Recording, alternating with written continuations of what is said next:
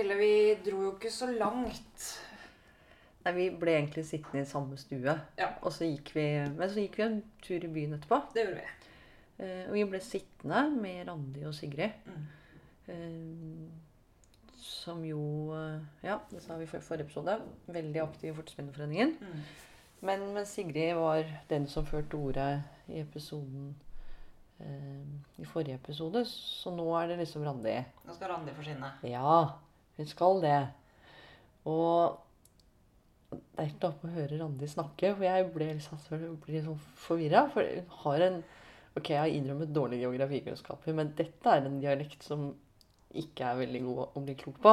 Og det har jo sin begrunnelse. Du er ikke Norges beste på dialekter heller. Nei, jeg er kjempedårlig. Helt riktig. Men, men akkurat som Randi er jo utdanna arkitekt og flytta nordover så vidt jeg forstår, ganske kjapt etter at hun var ferdig. Ganske ung. Ja. Eh, Så opprinnelig fra Østlandet og snakker jo nå en eh, Vadsø-dialekt. Eller En slags veldig blandingsdialekt. veldig blandingsdialekt. Ja. Og det der er litt Altså, det, det der er egentlig litt eh, Hun har ikke fulgt litt i fotsporene. ja, det er nettopp det. fordi at Randi har jo gjort det veldig mange arkitekter gjorde rett etter krigen. Mm. For nå skal vi snakke om gjenreisning. Og gjenreisning, det var jo liksom det store etter krigen når eh, Altså, nordområdene sto i hoftehøyde Ja. etter bombing og tyskernes brente jordstaktikk. Eh, og dette bærer jo Altså veldig mange byer og bygder vi har kjørt igjennom, er jo oppført etter krigen. Eller Altså- oppført igjen. Store områder i Nord-Norge eh, bærer jo preg av denne arkitekturen. Ja. Og det er veldig fremtredende. Det er det. Og det er litt sånn som og Dette er jo ting man legger merke til egentlig uten å vite så veldig mye om historien. Fordi det er som våre nære omgivelser, da. Men i bånn her, og det er interessant, for her kommer Randi med masse kunnskap. Og det er jo det derre bevisste grepet for gjenoppbyggingen som startet liksom rett etter krigen. Ehm, med regulering Mm. regulering av bysamfunn og bygdesentre. Og iblanda en sånn at det, Denne episoden kan egentlig ha litt sånn nerdalarm, altså. Ja. Ja. Ja, ja, ja, ja. Definitivt. Ja, for det her snakker vi om reguleringsplaner. Eh, oppbygging etter krigen. Eh, det som også blir kalt brente steders regulering, selv om vi ikke bruker akkurat det begrepet i denne episoden her. Iblanda liksom modernismens arkitekturidealer. Så det blir på et nølete nivå, men jeg mener fortsatt at det er universelt. fordi hvis vi skal kjøre gjennom Norge, og spesielt gjennom Nord-Norge, og snakke om byggeskikk og hustyper, så er det Randi kaller 40-tallsfunkisen, eller 50-tallsfunkisen, gjenreisningshusene, er helt sentrale. Altså, dette er, eh, som jeg har hevdet tidligere, dette er, eh, dette er det største byggeprosjektet landet har hatt, tror jeg. Men nå tror jeg vi har jabba nok. Vi har jobba nok. Um, vi setter tilbake, vi. Vi setter tilbake og hører Kan vi kalle det eksperten? Blir du sur da? Nei, Nei. overhodet ikke. Dette kan Randi. Ja. Dette har hun uh, jobbet med og uh, et helt arbeidsliv. Vi setter over til Randi. Det gjør vi. Men, men hvordan var det da? Fordi at altså, vi har snakka vi, snakka i bilen, Ja, vi jeg stilte en del spørsmål som Ja, ikke sant? Det er, noe, ikke sant? det er veldig sånn helhetlig grep om reguleringen. ikke sant? Med brente steders regulering. Og det liksom virker jo som de rulla jo ut reguleringsplanen planer for den ene byen etter den andre ganske fort etter krigen. De gjorde jo det. Og de hadde et apparat mm, Etter hvert et ganske stort og godt planleggingsapparat med utdanna arkitekter og, og systemer på plass. Så var jo kommunikasjonen eh, i den tida helt annerledes enn i dag. ikke sant? De sykla i rundt, f.eks. Og kjørte litt- Veiene var jo delvis ødelagt og delvis ikke bygd. For dette var først og fremst nyutdanna arkitekter, eller? Ja, mange var jo det. Ja. Og denne arkitektkonkurransen som kom rett etter krigen, den omfattet jo stort sett unge arkitekter Ja. som slo gjennom. Ja, for Når du sier arkitektkonkurranse, er det på typetegninger på hus? Ja, det ble jo utviklet typer ut fra det, det resultatet, da. De som fikk eh, priser i disse forskjellige klassene, de, eh, de fortsatte jo som arkitekter, men eh, ut av de konkurranseresultatene så ble det lagd typer, da. Ja. Og det ble utgitt typekataloger. Gjenreisningens typehus kom i, tror jeg, som jeg sa, i 1947 Ja. allerede. Det er tidlig. Og, og det var materiale som de disse forskjellige øh, planleggerne, da Det ble jo etter hvert folk i mange kommuner som kunne planlegge hus. Mm. For det skulle jo det skulle jo gjenreises masse hus, ikke sant. Og det, i starten så var det jo materialmangel og, Mm. og Men de begynte å gjenreise allerede med en gang etter krigen, da, i 1945 Mm. og 46. Så en del hus ble bygd på 40-tallet, men kanskje hovedtyngden på 50-tallet, da. Mm. Av, eh, av eh, den store bygningsmassen. Men, men hvordan fungerte det da? Fikk man en tomt, eller var det en tomt man liksom eide eller kjøpte, og så Jeg tror folk eh, ofte hadde en tomt, De ikke hadde sant? en tomt, ja. Og også som dere nevnte, så var det jo, ble det jo også laget reguleringsplaner Mm. for veldig, både små og store steder. Mm. Ja, at Kirkenes og til og med, til og med Varangerbotn og Mm. Hadde jo reguleringsplan. Selvfølgelig Kautokeino, Karasjok og kyst, kyststedene. Mm. Veldig mange steder ble det laget reguleringsplaner. Og det man gjorde, det man la opp til da, det var jo det moderne at eh, boligkvarteret skulle skilles fra sentrumskvarteret og fra industriområder. Det hadde jo ikke vært vanlig. For dette er modernismens Det var moderne. var planidealer. Ja, da. Ja. Så det ble gjennomført tror jeg, litt, grann, kanskje, da. Nå er jeg ikke noe Du har det jo voldsomt i Oslo, ikke sant? Med Ja. drabantbyene. Ja, i Men, er det jo men, men har du det samme sånn type byer som Vadsø? Ja, du kan jo si det i og med at det ikke eh, Altså sånn som Vadsø sentrum, da. Mhm. Der, eh, da den ble gjenreist, sentrum, så ble det nok Det ble jo gjenreist med boliger i annen etasje, på, men det var ingen boliger i første etasje Nei. i sentrum. Det var jo forretningsgårder og litt små industri, småindustri og Eller fiskebruk og Ja. verksteder og sånt noe. Mm. Og det var murtvang blant annet da, i sentrum etter Ja. krigen. Sånn at denne, denne panelarkitekturen ble ikke gjennomført. Gjen, gjennom, altså, Gjennom- var en veldig pen by før krigen. Ja. Altså, den var fantastisk vakker. Og det var jo hager. Eh, altså hager foran husene. Og nå har de blitt bedre igjen, men det var jo en periode at det var veldig sterilt. Men eh, ja. den var veldig vakker. Altså. Mm. Men så når du da hadde en tomt, da gikk du til en sånn katalog da, med typetegninger? ja, og fikk hjelp av den stedlige eh, byggeveilederen, da. Mhm. Boligveilederen. Og så var det dette med erstatninga, da. Altså, man fikk jo krigsskadeerstatning til en viss grad. Ja. Eh, det vet jeg egentlig altfor lite om til å si hvor mye det dekket av det du da måtte Mhm. ut med for å få bygd et nytt hus. da. I, I mange sammenhenger så bodde det flere familier da i starten etter krigen i, i husene. I Mm. første og andre etasje. Eller det var innrettet på to familier. Mange av de husene var det. Og det man fikk som man kanskje ikke hadde hatt før krigen, det var bad. Og badet var jo gjerne i kjelleren. Så det var litt sånn tungvint. Og så Ja. det de fikk i tillegg, det var jo en lufteveranda, sånn at de kunne lufte sengetøyet. Ja. Og det var jo veldig høvelig, syns jo mange kvinner, da. At det ble litt, litt mer lettrevet da. Ja, Ikke sant? For dette var ganske sånn rasjonelle boliger. Det var rasjonelle boliger, og det var gjennomplanlagte boliger og ganske gode planløsninger, Mm. har det vist seg da Mhm. i ettertid. At det var noe som, som sto seg, da. Jeg vet, altså Blant min generasjon det er flere ganger, er de jo på vei til å bli veldig populære. Og det tror jeg jo nettopp er i den enkelheten og den gode planløsningen. Ja. Det tenker jeg også, så tror jeg det har noe med at dagens byggeri eh, har mista ganske mange av kvalitetene.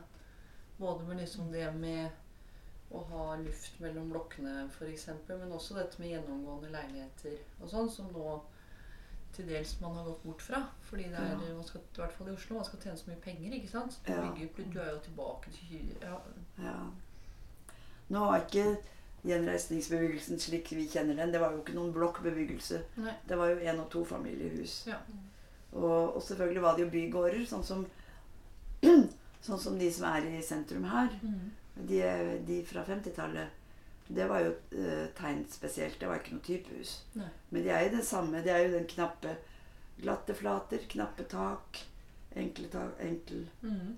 Og ikke noe, ikke noe sånn takoppbygg og slike Nei. ting, da. Og da var det i begynnelsen en salttakløsning, og så ble det et fulltak kulltak etter hvert. Ja. ikke sant? Ja. Og pussete vegger og Ja. Og egentlig ganske godt dimensjonert. Gode Mm. proporsjoner og, og fint. Fint arkitekthåndverk, absolutt. Ikke sant? Ja.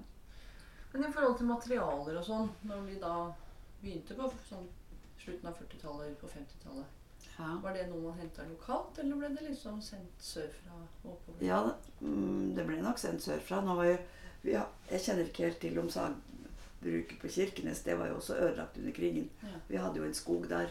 Mm. Eller har. Og der var jo sagbruk. Ja. Men det kom jo så Jeg tror nok det kom sørfra, materialene da. Ja. Det gjorde de. Og det tok jo litt tid før man fikk material på plass, selvfølgelig. Mm. Og dette var jo før moderne isolasjon ble innført.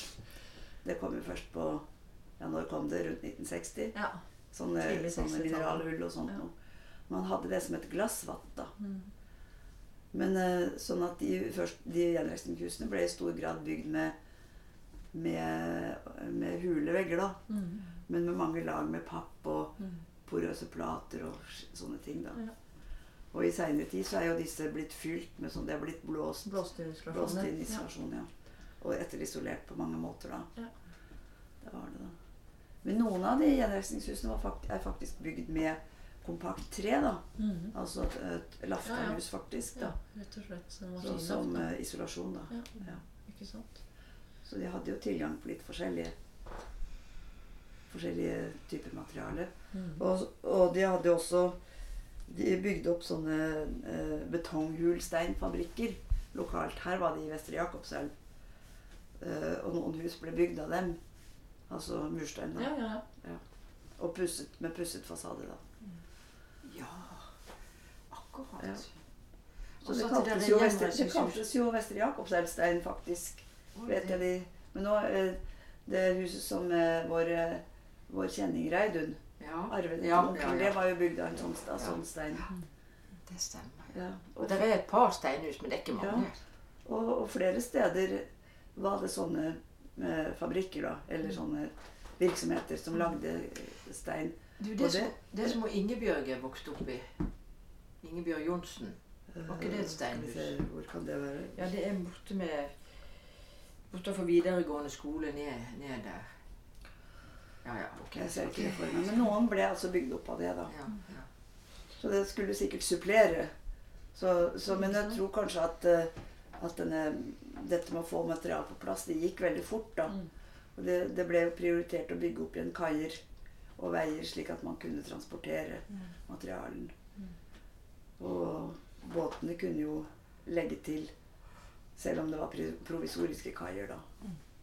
For jeg tenker sånn, Man kan vel nesten si at det var en sånn dugnadsånd i veldig mange stadier. ikke sant? Både på et nasjonalt nivå med at man fikk både Ja sendt materialer, og arkitektene valgte å flytte opp, opp hit. Som sikkert både var ut fra idealistiske årsaker, men også altså for en arkitekt å få lov til å jobbe på sånn rett og slett nybrutt land. liksom. Det var nok en stor, fin utfordring Ja, for de nyutdanna, dette her.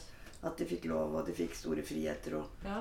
og Også ganske høye stillinger. Jeg ser arkitekt Hovig han var vel ferdig i 45 eller 46 og satt jo som byarkitekt i Narvik i 47. nettopp. Ja, kom rett til en stor jobb. Ja, han, var, han må jo sies da å være ganske fersk. Ja, ja da. Men også liksom, så ble vel mye av husene var mye basert på en egeninnsats. Altså du fikk tegninger av Ja, det, ble, det var det sikkert, altså. Det vet jeg ikke så mye om. Men eh, det har jo fortsatt inn i vår tid at uh, iallfall grunnmuren er jo selvbygd. mm. Og man eh, tilkaller naboene og, og gjør dugnad på grunnmur. Det har det vært. Det har jo vært holdt seg til våre dager. Fortsatt. Ja, Det er sånn du bygger hus her i Vadsø, liksom. ja jeg syns det har vært sånn. Jeg lurer på hva naboen min hadde sagt hvis jeg plutselig sto utenfor med en spade. Sier du gidder å hjelpe meg litt, liksom. Så fantastisk. Jeg husker jo Reidun, når hun bygde, så var vi jo der og hjalp til alle sammen. Hun nivellerte jo alt selv. Ja, ikke sant? Man Ja, drev hun gjorde det. Ja. Fantastisk. Ja. Ja, og folk skulle jo, de ville jo tilbake igjen før husene var ferdige. ikke sant? Folk var jo evakuert. Mm. Eller her i Øst-Finnmark bodde jo mange på fjellet da, i den høsten der Mm. og kom ned igjen. og til eh, brente, delvis brente og delvis ødelagte hus. Men, og, og de som var sørpå, de ville opp igjen ja, det, før husene var ferdig. Så det var nok eh, mye sjølbygging. Det tror jeg sikkert det var. Og at de fikk disse tegningene og bygde etter dem. da. Ok, Anette. Nå har vi hørt mye. Eh, om veldig mange ulike problemstillinger arkitektene bar da med. Eh, og noe så egentlig banalt som hva de skulle bygge med. Ja. Altså mangelen på materialer. Og hvordan de løste det. Mm. Eh, men det gjaldt jo ikke bare veggene. Det var jo også mm, hva de skulle tekke tak, takene med. Ja. Og her kommer det jo både litt sånn Her lente de seg kanskje i større grad på tradisjonen, kan man kanskje si. Ja, det vil jeg si. For det vi skal gjøre videre nå, det er jo skifer. ja. En del av husene fikk jo skifertak Ja. i eh, den tida. Og det var jo skiferbrudd, ikke her, da, men borti Friarfjord og i Alta, som leverte skifer. Og mange hus har fortsatt skifertak intakt fra den tida. da. Ja, Var det i større grad enn teglepanner? liksom? Jo, ja da. Ja, for det er ikke noe tradisjon for Men hva var alternativet til skifertak den gangen, da? Ja, det var jo papp. Det var jo papp. papp, ja. Ja, Mm. ja da. Men det, det var en stor sak på Kirkenes, for dette, de har jo en del hus der. Eh, Bygd etter krigen, midt i, i sentrum der. Og, og der ville de altså skifte fra skifertak til andre tak. For de hadde påstått at skiferen begynte å bli dårlig, det var farlig og, osv. så videre og så videre. Så selvfølgelig, hvis de skal skifte, så er det billigere å gjøre noe annet. Men jeg tror faktisk de ødela de skifertakene. Altså, på det Ja. huset. Og vi skrev brev om det. Og og Fortidsminneforeningen for noen år siden. Men eh, så, og det var ei dame som sto i spissen for dette her. Men eh, jeg har en følelse av at vi burde kanskje ha gjort noe mer med det. Men det, I Hammerfest har mange intakte skifertak. Og der er det jo ekstra viktig fordi man ofte ser byen ovenfra. Fordi der man når, klatrer, klatrer opp på, Mm. på salen der og kikker ned. Dere gjorde kanskje det? Nei. Tur på salen, det må man ha når man er.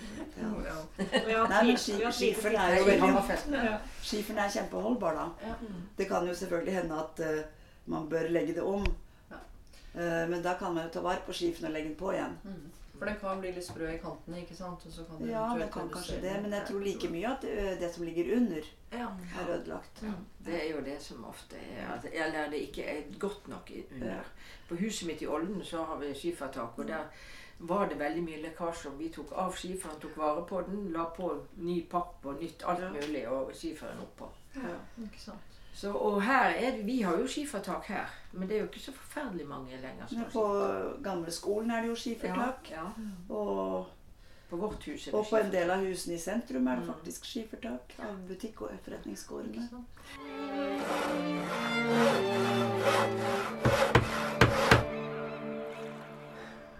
Altså, dette var helt utrolig interessant. Og selv om jeg hadde gleda meg til alle episodene her, så er jo jeg Jeg har et stort bankende hjerte for 40- og 50-tallsarkitektur, da. Så jeg hadde gleda meg veldig til denne episoden. Mhm. Er du tilfredsstilt? Veldig. Du er veldig tilfredsstilt. Ja. Så bra. Jeg Har lært utrolig mye mer, og jeg syns dette er så utrolig interessant. Ja. Er det også egentlig ikke de der idealene som lå, lå til grunn? Mm. For vi har jo faktisk kosta på oss et sleivspark til dagens boligbygging også, vi. Det, er- Det er på sin plass, du meg. det syns jeg også. Det er det derre fokuset de hadde etter krigen på å skape gode og sunne boliger Mm. for folk flest, liksom. Ja. Det er en del av de idealene som i dag liksom er ofra på inntjeningens alter. Definitivt. Det, det er tankevekkende. Veldig. Men ok. Nå var vi ferdig i Vadsø. Ja. Vi skulle kjøre videre. Mm. Etter at vi hadde spist lunsj med Sigrid og Randi. Ja. Så kjørte vi videre. Når vi nå har snakka litt om kapitalismen, så skal vi videre til Vardø. Og der skal vi snakke litt mer om Eller vi skal i hvert fall møte en mann som i stor grad har drevet litt på idealisme. Ja. En stor porsjon idealisme. Ja.